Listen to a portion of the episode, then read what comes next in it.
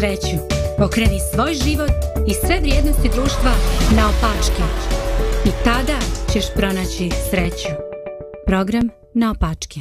Dobro jutro, dragi gledalci i slušalci Radija Pomirenje. Nadamo se da ste danas dobro. Svima vama koji ste zaljubljeni želimo srećan, radostan dan zaljubljenih. Pozdravljam u studiju nadam se moje zaljubljene kolege i koleginicu Lidiju.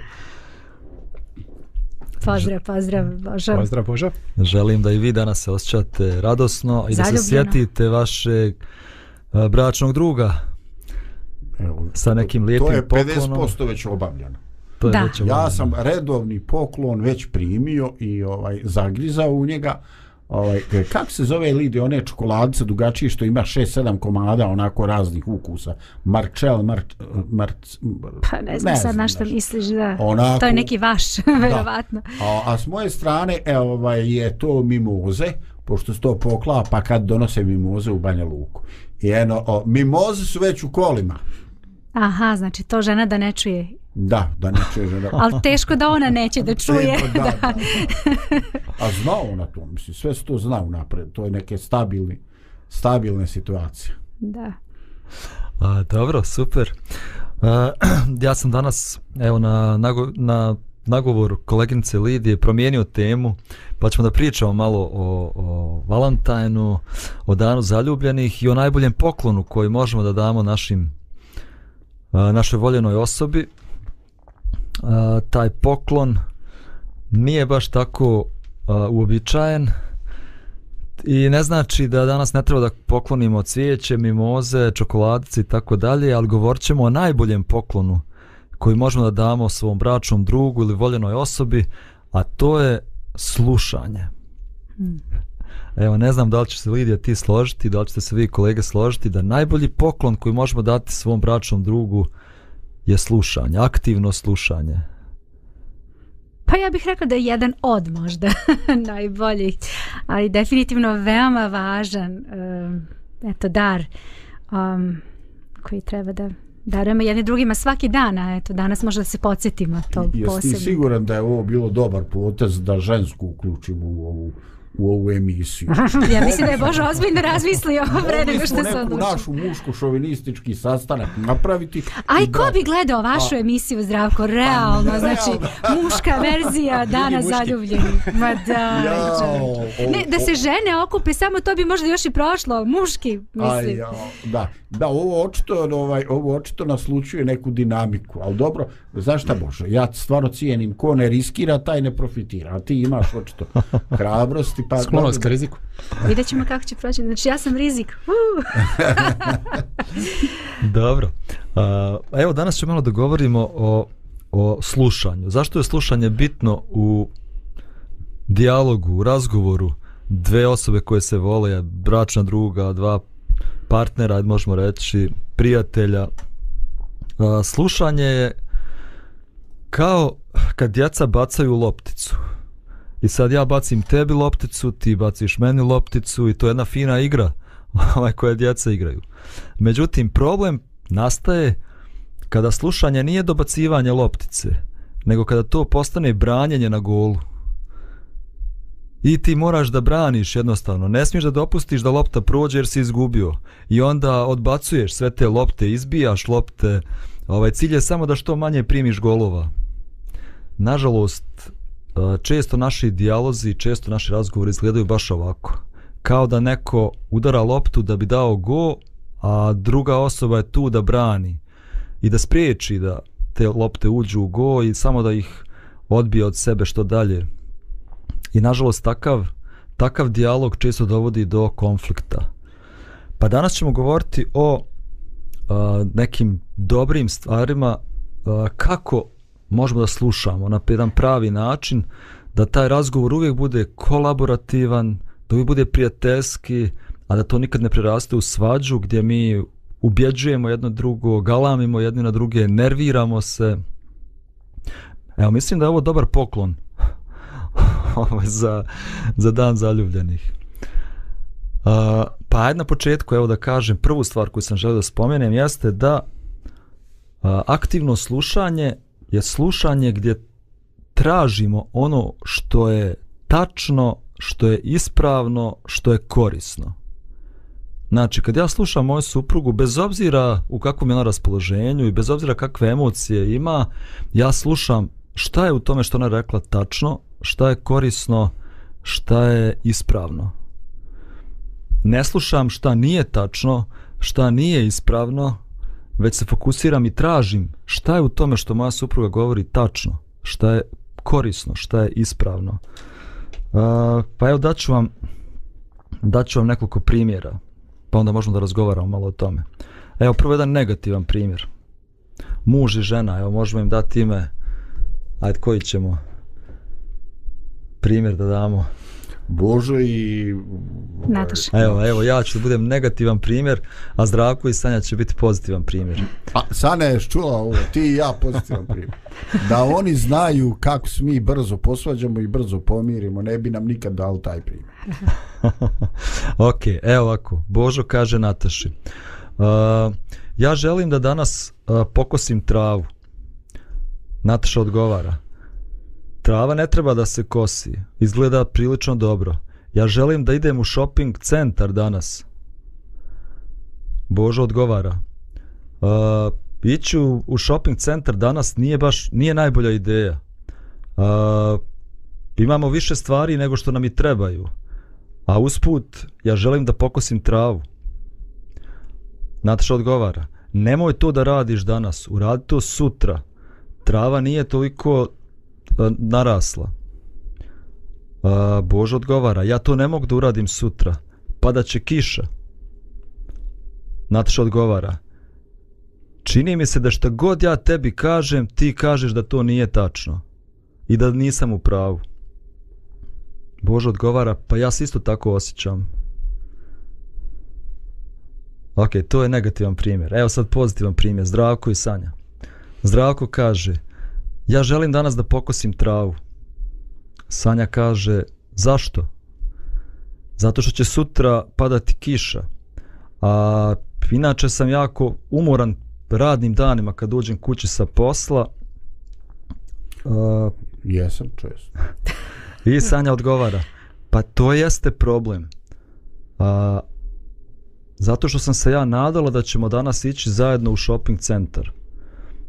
Možda dok ti pokosiš travu, ja mogu da skuvam ručak i onda ćemo zajedno da odemo u shopping centar. I Zdravko odgovara, ja bi to stvarno cijenio, na taj način ne moramo da trošimo novac za ručak u shopping centru. Ok. Oba strana koristi.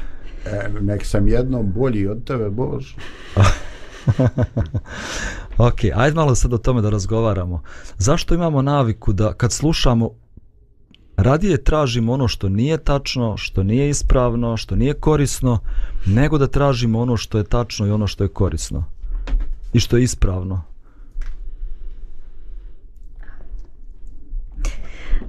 Izvini, mene knjiga malo omela, pa dok sam je ovaj, postavila. Knjiga se zove na engleskom jeziku The Power of Two. Mm -hmm. Moć dvoje, tako da kažemo na našem jeziku.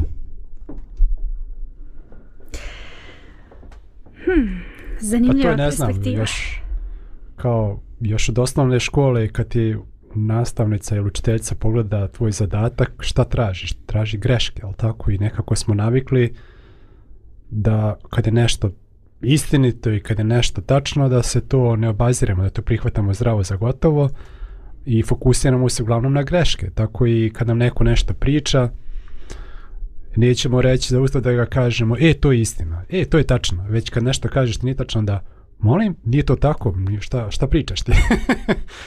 a, tako da prepostavljam da, da taj nekakav, a možda i to što kad čujemo neku neistinu ili nešto što to nam nekako para uši, na to mnogo jače reagujemo nego na nego na one stvari koje jesu tačne.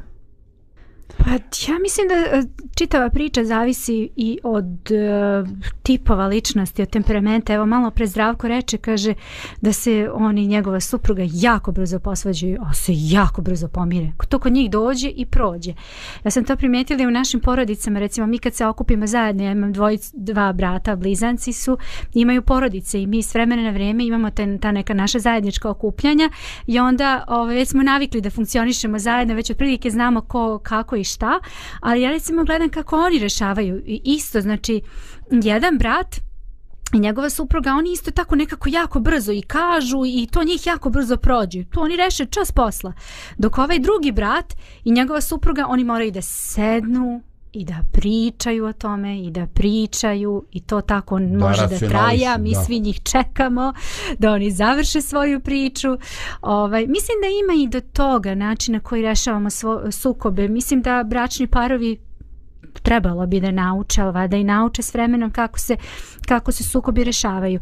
U toj priči ja bih izdvojila ovo što ti, eh, sve vreme razmišljamo o tome što si ti spomenuo da je jako važno da racionalizujemo, da vidimo šta je ono što, um, što je istina u čitavoj priči i na neki način ako je toj osobi drugoj stalo, recimo njemu je stalo da posao završi taj dan, a njoj je isto stalo, ona vjerovatno ima slobodan dan, vjerovatno je nedelja bila, pretpostavljam, imala je slobodan dan i htjela je da ode u kupovinu i htjela je s njim da ode u kupovinu, znači potreba je jedno i drugo.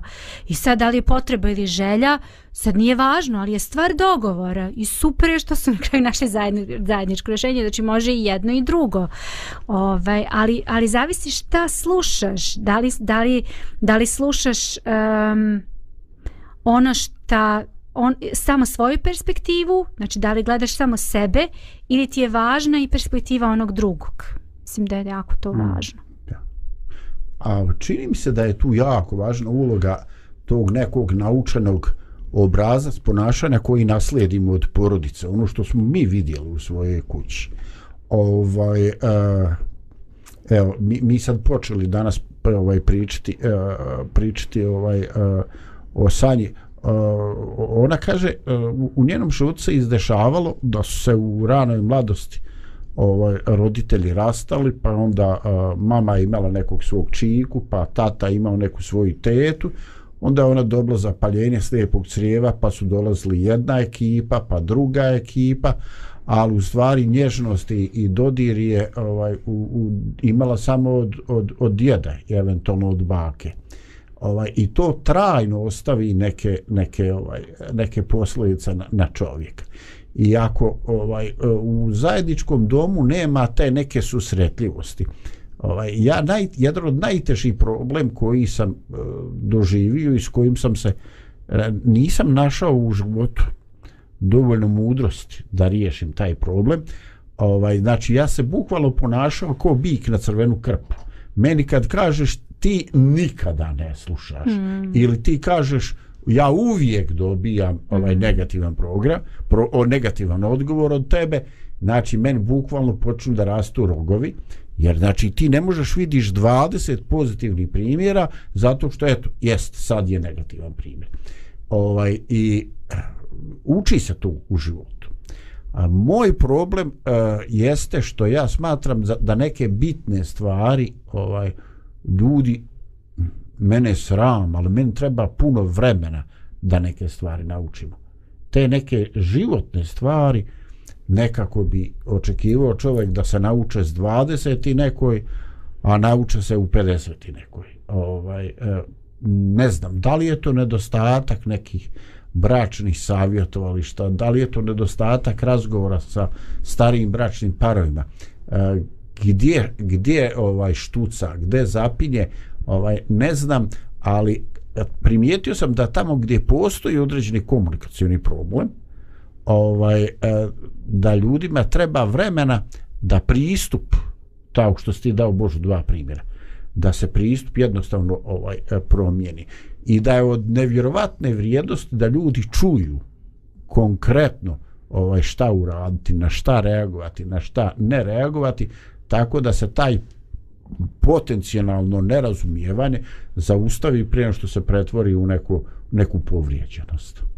Mhm. Ali Ovaj, mislim da se pravu u tom pogledu da, da sad razmišljam o tome što, što svi pričate da, da definitivno treba preodgojiti vlastiti um, da mislim da se fokusiramo na ono što, što smatramo da nije tačno, a što je naš uh, partner ili bračni drug rekao, da se fokusiramo na ono, na ono u čemu smo saglasni sa, sa njim ili sa njom. I onda počnemo od nečeg zajedničkog, pa onda rješavamo ono što, one, neke razlike. Ovako, ako se fokusiramo na, na razlike, i na ono što nam se ne sviđa, onda ćemo samo o tome da pričamo i onda to vodi ka, ka svađi, ka nekim možda a, težim riječima koje bi pale zbog toga što, što neke te razlike izgledaju ogromne. Jer zbog toga što nismo obratili pažnju na ono što, što je dobro i što je istinito i sa čim smo saglasni u principu. Da, evo definitivno se slažem sa vama. ja smatram da je loša komunikacija uzrok većine konflikata u, u braku, u odnosima među ljudima. Baš ta nedostatak shvatanja dobre komunikacije. Evo ti zdravko spomenuo nekoliko stvari.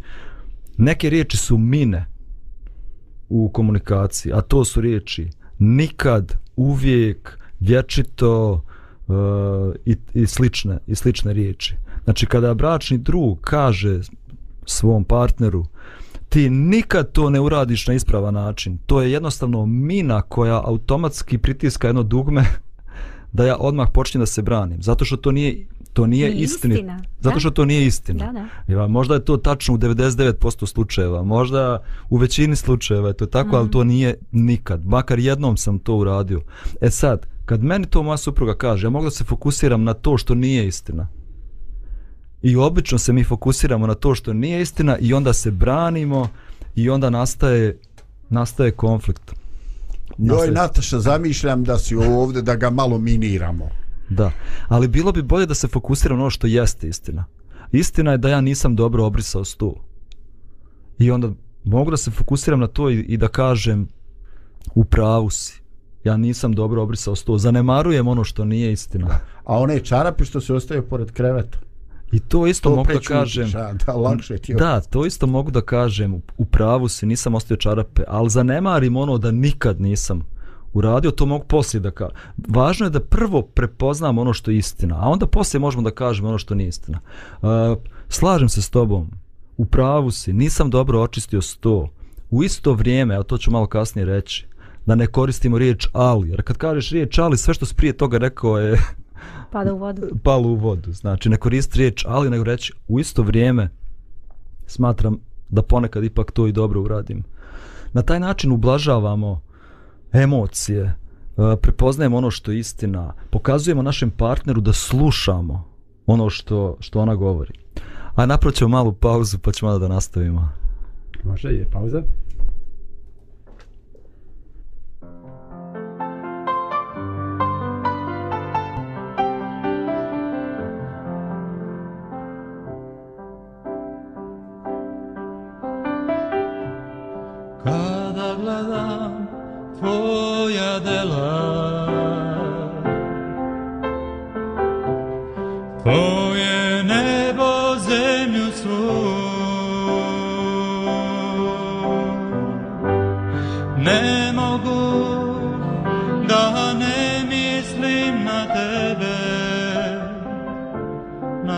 Tvoju ljubav beskrajnu.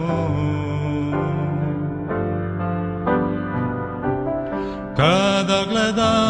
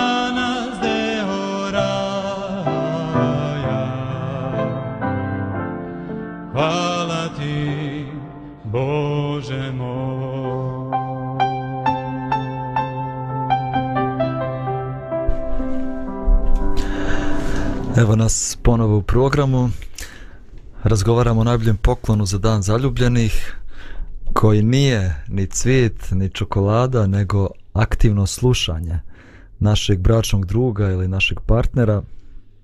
Govorili smo o pozitivnom i o nekom negativnom slušanju. Pozitivno slušanje je kada tražimo ono što je tačno, ono što je ispravno, u onom što nam naš partner govori.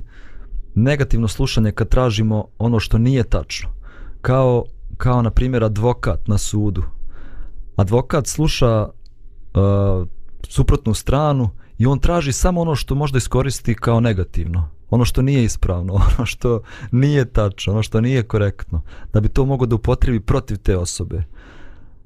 Uh, mislim da bi bilo dobro da ne budemo advokati u našim odnosima sa partnerima, sa bračnim drugovima, nego da, da budemo prijatelji koji slušaju ono što je tačno, što tražimo u svemu tome što se govori, da li postoji barem jedno zrnce istine, pa ćemo se fokusirati na to jedno zrno istine o, kojim, o kome naš bračni drug govori.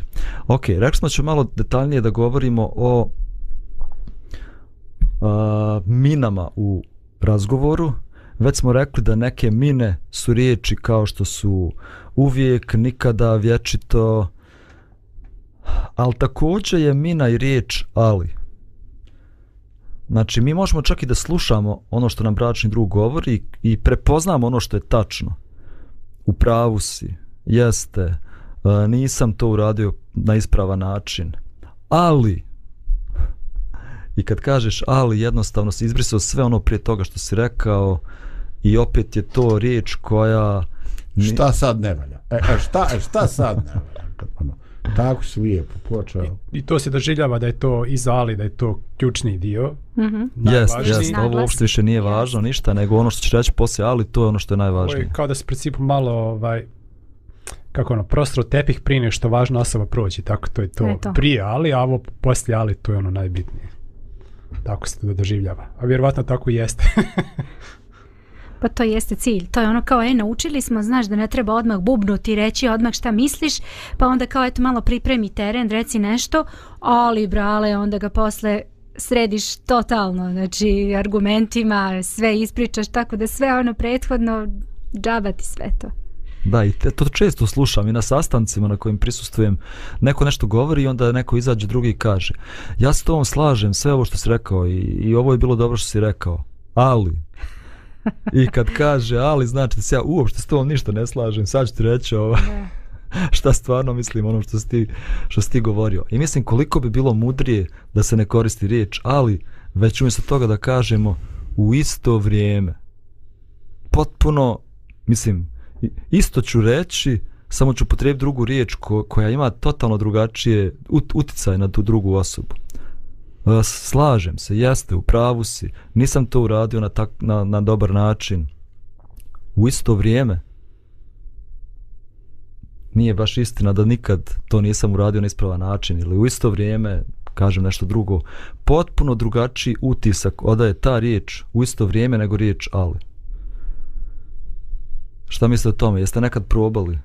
Ili imate nekad iskustva s tim? Ovo dobro zvuči, ima dozu, ima dozu ubjedljivosti.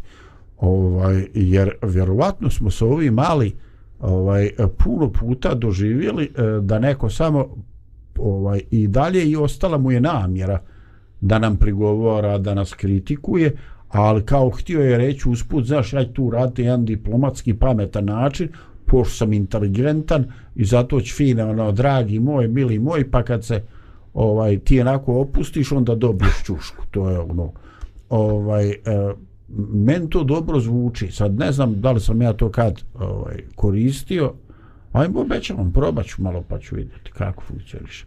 Javit ću ti. ja bih samo rekla, uh, slažem se da razmi, razmišljam i ja isto o tome.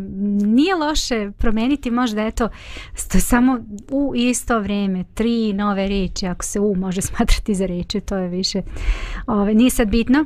Um, ali je jako važno i šta ćeš posle toga reći. Jer ako ti upotrebiš tu reč, a onda prospeš opet isto kao da si rekao ali, onda i to gubi smisao. Znaš, onda čemu sve to ipak stavi na ta svage znači ja, to, ja sad više sebi onako govorim kako ću ja da primenim ovaj to što si nam danas rekao znači reći da slažem se e, sve u redu, to što kažeš jeste tako, u isto vrijeme postoji jedna druga, ali na blaži način reći to što misliš, da ne pokopa ono prvo što si rekao, slažem se, jer onda opet gubi, razumeš, gubi mm, smisao zašto, zašto se slažeš, a s druge strane se ne slažeš. Znači, naravno, mogu, mož, moguće da se ne složiš u onome što, što je rekao tvoj bračni drug. S druge strane, postoji način da se neke stvari kažu. Znači, ipak malo razmisli pa ublaži. da, point, da, poenta nije da mi sad povlađujemo i da popuštamo. Apsolutno. Uh, neko te je napao, iskritikovao te, uh, nema pravu sliku o tome, nije to sve potpuno tako kao što govori, nije cilj sada da ti popustiš uh, u tom razgovoru i da se povučeš. I tako kažeš, slažem se, jeste, tako je. Pronađi ono s čim se slažeš. I počni s onim čim se slažeš. Pronaćeš nešto u tom, u tom razgovoru a, i u svemu što je rečeno, nešto s čim se slažeš. Ako smo već uzeli primjer, ne znam, ti nikad ne očistiš sto na ispravan način. Slažem se da sto nisam očistio na ispravan način i to ću reći, slažem se. U pravu si, nisam očistio sto na ispravan način. U isto vrijeme, Sad ću reći ono s čim se ne slažem. Ne slažem se da, da nikad to nisam uradio. Barem sam jednom u životu, barem sam nekad u životu to uradio kako treba. Ako čorava kokoš nekad u bode za no, što i ti ne bi nekad očistio sto kako treba. Da, ali samim tim što izbjegavamo mine u razgovoru, mi utišavamo emocije te, te osobe, partnera našeg, pa čak i svoje emocije. Da, ono što sam ja htjela da kažem je da ako recimo, evo u tom primjeru, ako tebi sad osoba kaže uh, ti nikada ne očistiš sto, a ti kažeš da, slažem se, ja nisam ovaj, očistila sada sto kako treba, uh, u isto vrijeme ti nikad ne dođeš na vrijeme ja tebe čekam danima i satima. Razumeš u tom smislu kažem da je važno znači napraviti neki balans ne sad ono kontranapad slažem se ali čekaj da ja tebi kažem jel to nema veze s ovim prvim problemom? Apsolutno. A mi to često koristimo. Da jer želimo da se odbranimo. da, da, ovaj, da ja možda tu ovaj griješim ali I ti, ti grešiš, čekaj, ti, čekaj. O, pa znaš ti koliko te ja molim da mi uradiš to i to. Yes. Da su komšije tražile, ti bi otišao isti dan ili najgre slučaj drugi dan, a ja te čekam sedam dana da mi nešto da kaplje slavina ili tako. I što je najgore, to je istina. Ali nema veze sa pričom. Ali nema veze sa ovom pričom. Tako je. Da, na, nažalost, najčešće razgovori tako i, i tako se i vode. Zato što kad koristimo mine u razgovoru, kad mi ako sam ja osoba koja te koristi mine, ti si tak, ti nikad to ne uradiš, ti uvijek zaboraviš. Automatski, znači, druga osoba se osjeća napadnuta. osjeća se također i manje vrijedna. Ko si ti da si ti postavljaš iznad mene, da ti mene osuđuješ i kritikuješ? Pa prvo razmisli o sebi, pa ti isto praviš milion grešaka u životu. Nisi ti ništa bolja nego ja. A, ali čim počnemo da se branimo, mi to više nije taj kolaborativni razgovor, već to postane neprijateljski razgovor. Mm. I onda tu nema kraja, na kraju će, taj razgovor će se završiti uh, sa veoma snažnim emocijama, sa svađom, sa povrijeđenim odnosima, uh, treba će nam par dana da se uporavimo. Od toga zato što smo dozvolili. Znači ja ne mogu da utičem na to kako će moja supruga da razgovara sa mnom, Tako. ali mogu da utičem na to kako ću ja da odgovorim Mhm. na to što ona govori. Ja mogu da odgovorim defanzivno, ja mogu da napadam, ali isto tako mogu i da prepoznam šta je tačno, da istaknem ono što je tačno, da time pokažem da razumijem ono što ona govori, da slušam ono što ona govori, a onda nakon toga bez mina u, u razgovoru, time što ću reći u isto vrijeme, a, izrazim i ono s čim se ne slažem. Sigurno, evo u mom, u mom primjeru mogu da kažem, kad god sam tako a, razgovarao, razgovor se stišao i riješili smo problem. Kad god sam bio defanzivan i kad god sam napadao, samo je eskalirao konflikt, eskalirao je sukob. Znači ovo govorimo s, s ciljem da unaprijedimo da unaprijedimo odnose. Nije to uvijek jednostavno i lako. Ali je dobro da naučimo. I možda mislim da je važno da da u svakom razgovoru težimo da da da oboje budemo srećni i zadovoljni, a ne da ja Mm. pobjedim u raspravi. Tako je. Jer ovaj i da i da uvijek nam da uvijek želimo da budemo istino ljubivi, bez obzira da li da li to nama išlo u prilog ili ne išlo u prilog. Jer ako u- svakoj toj nekakvoj, svaki put kad čujemo nešto što nam je neprijatno, uh, reagujemo kao što ti kažeš defanzivno i, i onda ne znam nija odgovaramo na kritiku kritikom ili odgovaramo na na negativne, na negativne emocije odgovaramo još s burom sobstvenih negativnih emocija, onda to samo vodi ka, ka nekoj ružnoj svađi koja može da, da pokvari odnos Uh, na neko vrijeme. Tako da mislim da, da, da treba imati neke principe koji se čovjek drži čak i kada emocije ga napadaju, one negativne, da uvijek ima neke principe, kao što je recimo taj. Tražit ću ono što je tačno i ispravno u ono što mi osoba, druga osoba kaže, a ne ono što nije tačno. A, težit da uvijek budem, uvijek ću tež da budem istinoljubiv, makar ta istina mene prikazivala kao onog najgoreg. Uh, I onda kad se tako neki principima čovjek vodi, onda to pomaže da i ima i bolju kontrolu nad sobstvenim emocijama, a i pomaže da se emocije ovaj druge osobe brže vrate u neko ja, ja tebe stanje. buraz ništa ne razumijem. Pa ja i poludim rad toga što mislim da sam napadnut. E sad još da joj dam ogrijeva za taj napad, da sad, pa jest kao, ne samo to, kriv sam ja i za nešto drugo. Pa men to ovako, ovaj, kao, ne, ne znam šta je to, ono, to je neki, men to ko neki mazohizam.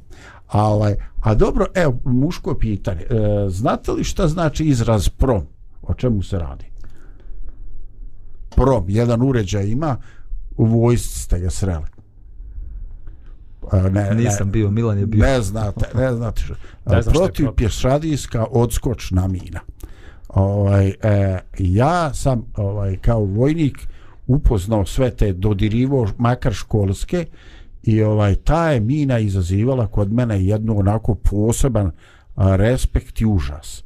Sve ove mine nakazne potezne se zakopavaju u zemlju i one kad zapneš, kad staniš na nju ili zapneš za neki kanap, one eksplodiraju. Sad zavisi koliko si blizu, one naprave štetu pojedincu ili čak grupi. A ovo je, ovo je, ovo je đavo dao ideju.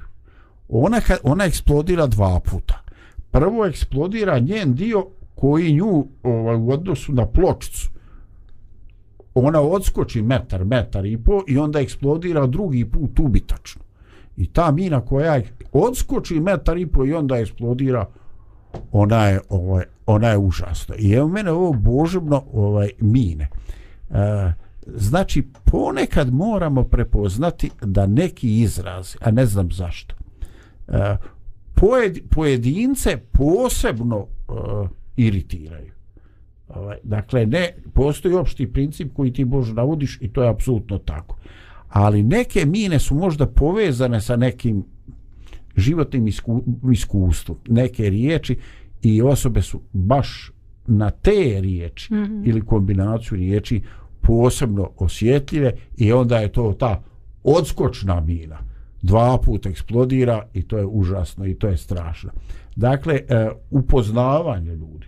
Gledaj e, neke stvari, e, ljudi jednostavno prelaze preko njih, ovaj, a kod drugoga para je to problem. Neki ljudi prelaze preko toga.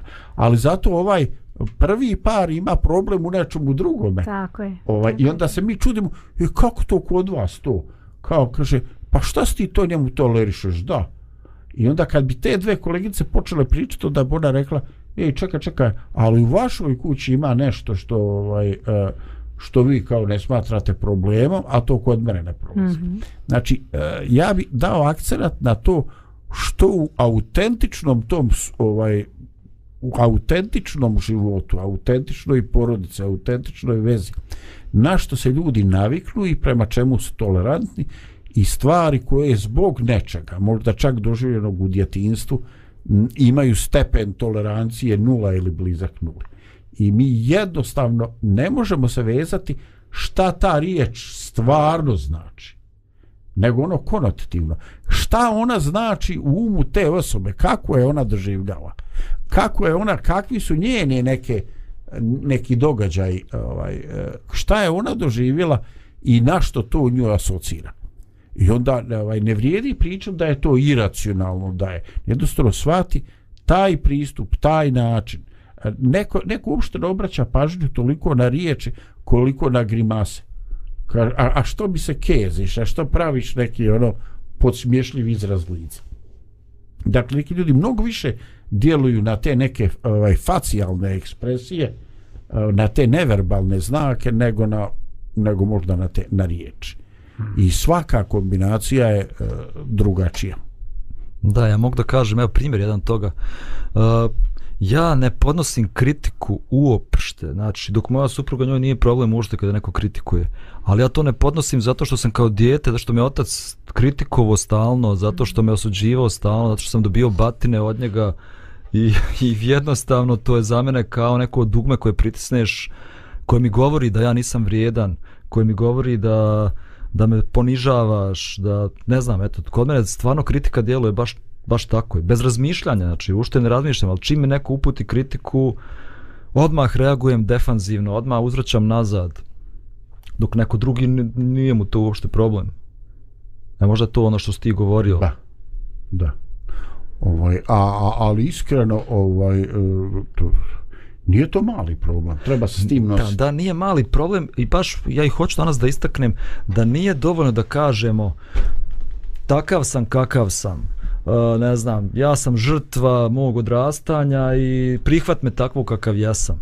A mislim, možeš ti da budeš ono što jesi i žrtva, ne znam, iz svog odrastanja, djetinstva i oca, ali ipak imaš odgovornost da neke stvari unapređuješ u svom životu. Ne moraš da reaguješ kao robot uvijek. Da, da. I onda još dođe taj neki lik, znaš, koji te već iznervirao i kad ti kažeš to objašnjeni, on kaže, tuko te čača. A, malo te tuko, malo te tuko u životu. da. Dobro, ajde napravit ćemo malu pauzu pa ćemo da nastavimo. Nadam se da ću ja ovdje biti i posle pauze.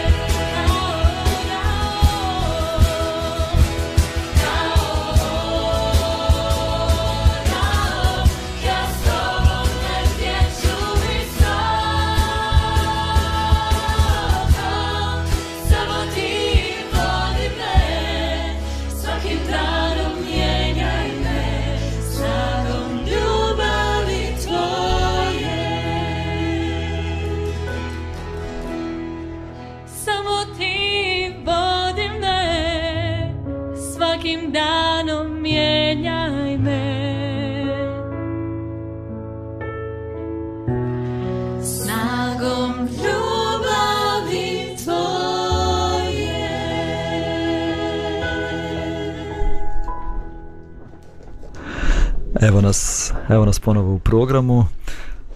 Razgovaramo o najboljem poklonu koji možemo da damo svojoj voljenoj osobi, a to je slušanje, aktivno slušanje. Razgovarali smo šta, kako aktivno slušati, kako izbjegavati riječi koje su mine u komunikaciji. A, a evo sad ću još jednu, jednu stvar važnu da spomenem, pa možemo malo i o tome da razgovaramo.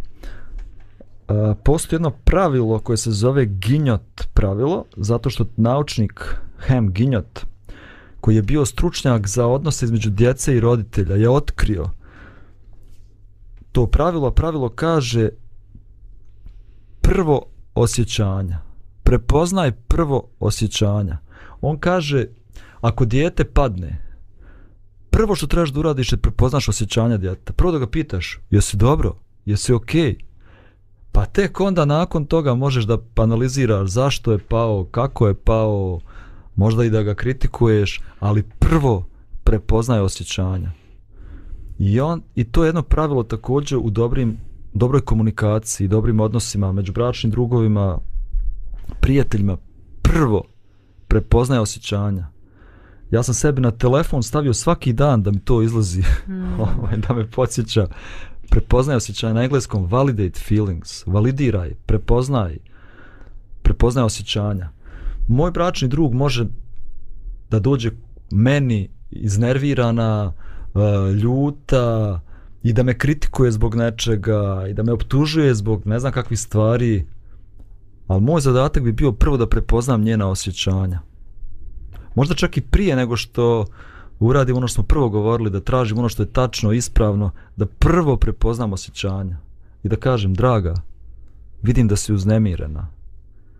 Ili draga, vidim da si uh, iznervirana ili draga, vidim da si ožalošćena ili da si ljuta. Uh, prost, to, to je prosto jedno čudo u komunikaciji. Evo, ne uspijevam to često da uradim. Ali kad god to uradim, bukvalno se dogodi čudo da time što sam prepoznao osjećanja, da ta osjećanja se automatski smanje, utišaju. Kad ima, kad smognem snage da uhvatim Natašu za ruke, da pogledam oči, kažem, draga, vidim da si jako uznemirena iako ona mene optužuje, iako ona mene kritikuje, to je jednostavno čudo u komunikaciji, automatski sva ljutnja nestaje, uh, sav gnjev se utišava, kad bi smo mogli samo da prvo prepoznamo osjećanja i da pokažemo, da razumijemo osjećanja.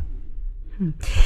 Evo recimo da slušam o čemu govoriš. E, ja imam sličan problem, a to je da e, kad su moja deca u pitanju i kad god dođu uznemireni i hoće sa mnom da razgovaraju i nešto da pričaju, um, ja mogu da prepoznam i tu sam, slušam, pokušavam da vidim šta stoji iza čitave priče i tako raz, u razgovoru nekako ovaj, uspemo da iskomuniciramo i da to nekako rešimo.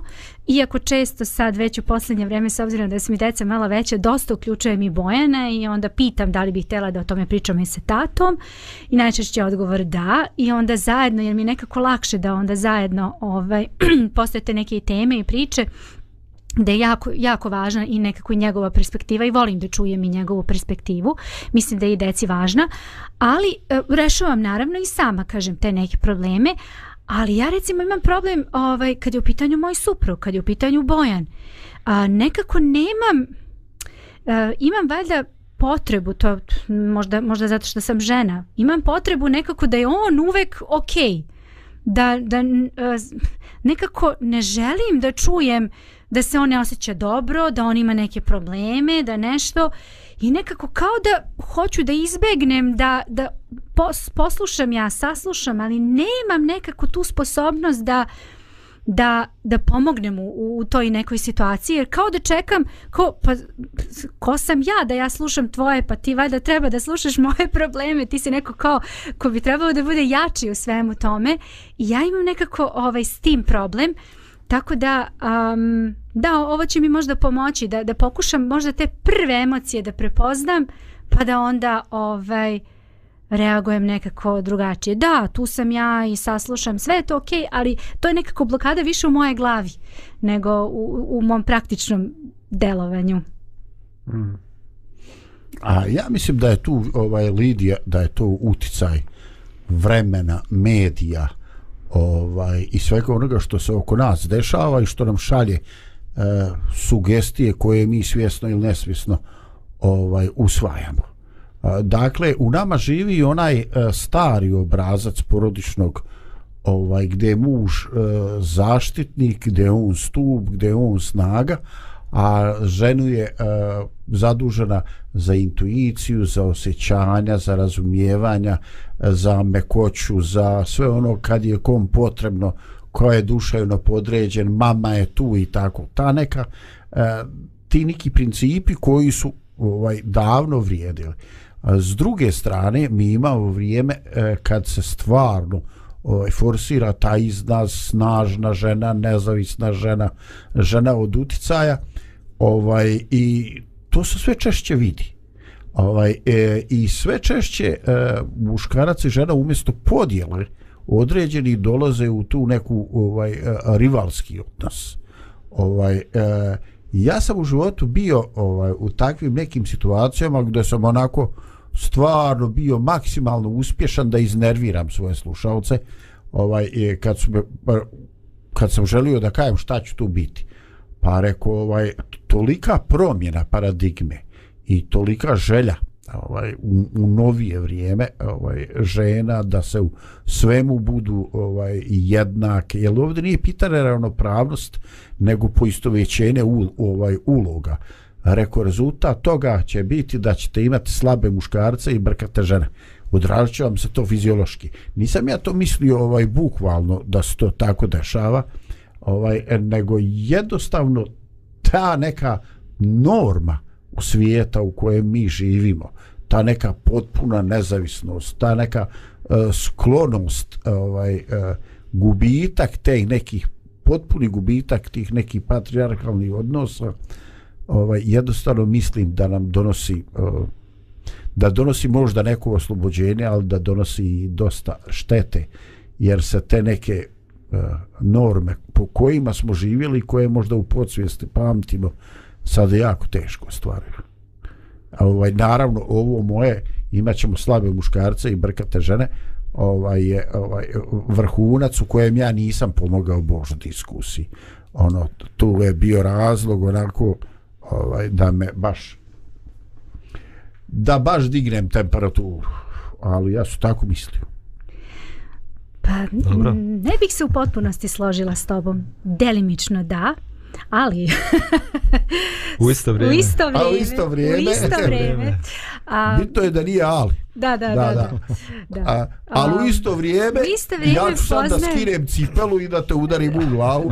da, da, da, da, da koristim ali. Ti si okrenula stvar, ti si počela sa negativnim, pa al, poslije ali dolazi važni dio. Ali, slažem se sa tom po pitanju. Da, da, da. Pa ove vratolomije, vidi. Ja, da, učimo, pa učimo i u diskusiji ovdje kako da funkcionišemo. A, sve više, evo, ja slušam, pratim tako povremeno i neke te emisije. Mene, mene zanima, ja volim eto. Vada mi žene volimo tu disk, diskusije te i razgovore na različite teme, uh, ipak i dalje i dan danas kako god da je vrijeme, kako god da žene, ne znam, traže svoje neka luda pravila koja više, ne znam, u kom pravcu idu, i dalje žena voli da iza sebe ima muškarca koji je jak, snažan, no. koji može da vuče. Treba koji... je tri, kub, tri, ovaj, tri kubika uglja. Dobro, da, i fizički, ali da. u svakom smislu znači da je podrži, da bude iza nje, da ona na nekoga može da se osloni. Da, ja volim sad kad kažem ja govorim više u ženskom rodu naravno odnosi se i na mene ovaj um, imamo imamo potrebu da nam se da neka sloboda koju nismo imale ranije ali i dalje ta sloboda ne znači da sam ja jača i snažnija od tebe i da, da ja treba da guram i da nosim kroz život. Iako to izgleda tako na prvu, nije tako. Još uvek žene, ja ja, ja sam nekako pozitivac. Ja, ja mislim da, da to nikada neće da se promeni zato što je to jednostavno Bogom tako dano. Ja ne vidim da, da treba drugačije. Ali tu Lidija ali. postoji ali, e, e, u isto, ali u isto vrijeme. vrijeme Lidija, tu postoji latentna stalna napetost. A jeste, to slažem dakle, se. mi nikako da riješimo, Bože, stvarno izvini, evo završavam, ovaj, uh, evo recimo, to što si ti rekla je meni stvarno onako uh, odraz uh, hrabrosti intelektualno prije svega što si ti rekla. Ovaj i na neki način neočekivano vuče na moju vodu ali to je sad nebitno. Ovaj ali e, džaba je to čak i u situacijama gdje je to kao nešto uređeno kako treba i nije previše modifikovano modernizmom. Znači e, mi smo u isto vrijeme i rivali i partneri i to non stop latentno traje jedno i drugo to je moje viđenje života E sada, koliko mi to uspjevamo držati u balansu, a ne znam, mi ne možemo neki put sami sebe držati u balansu. I sad, u odbranu muškog roda. Ovaj, e, nama znači, koliko god mi ovaj rekli nam da smo ovaj e, mačo, da smo snažni, ovo i ono, vjeruj, stvarno neki put nam treba neko rame. Naravno. Ovaj, neko rame i to ne znači da smo manje muškarci, ovaj e, e, dobro je ovaj dobro je i ja sam baš osjećao u životu onako veliku zadovoljstvo kad sam shvatio e, da da kod svoje žene neću biti manje muško zato što imam potrebu da plačem. Mm -hmm. To je baš bio bitan trenutak u mome životu. Dakle, i ti stereotipi koje sam u startu lansirao kao nešto što ne treba baš olako odbaciti, ovaj ti stereotipi nekad su i problem jer nas e, previše stavljaju u neke kalupe. Dakle, i tom tvome mužu nekad treba, e, ne znam šta je to, da li da budeš malo zamjena za mamu, da li, ali znači svi muškarci imaju potrebu i za malo toga. Biva i nama teško. Apsolutno. Hmm. Dobro, evo sad ćemo ovu diskusiju tamo da vratimo na ono o čemu smo govorili. Krajnje vrijeme bilo. Jeste, baš to što prepoznajemo osjećanja druge osobe joj daje i pravo da može da se osjeća tako. Znači, ovo o čemu govorimo, da ne slušaš samo riječi koje neko izgovara, nego da iza toga slušaš osjećanja te osobe i da prepoznaš ta osjećanja, da pokažeš da je u redu da se neko tako osjeća, da, onda ti daje mogućnost da možda budeš i muškarčina koja plače. Zato što si u nekoj teškoj situaciji, zato što se osjećaš loše. Samo to što prepoznajemo osjećanja druge osobe nam daje slobodu da možemo tako da se osjećamo i odmah i, i utišava ta, ta naša osjećanja. Evo vrijeme već polako i da privedemo kraju ovu našu emisiju. Mogli smo stvarno još mnogo da pričamo i vidim i potrebu da, da možda i razgovaramo o sličnim temama u budućnosti. Evo na kraju bih možda pročitao jedan tekst iz Svetog pisma koji kaže ovako Zato ljubazna braćo moja, neka bude svaki čovjek brz čuti, a spor govoriti i spor srditi se, jer srdnja čovječa ne čini pravde Božje. Eto, moja želja da mi budemo ljudi koji smo brzi da čujemo, a spori da govorimo i spori da se srdimo. Želimo da i svi naši slušalci, gledaoci također razmisle o čemu smo danas govorili, da budemo osobe koje su spremne da slušaju, da aktivno slušaju, da razumiju svog bračnog druga, svoju voljenu osobu. Želim vam svako dobro i vidimo se ponovo sutra u pro, jutarnjem programu, a također preporučujemo i program naše kolege Zdravka u jedan sat da te blagoslovi gospod. Pozdrav. Pozdrav. Pozdrav.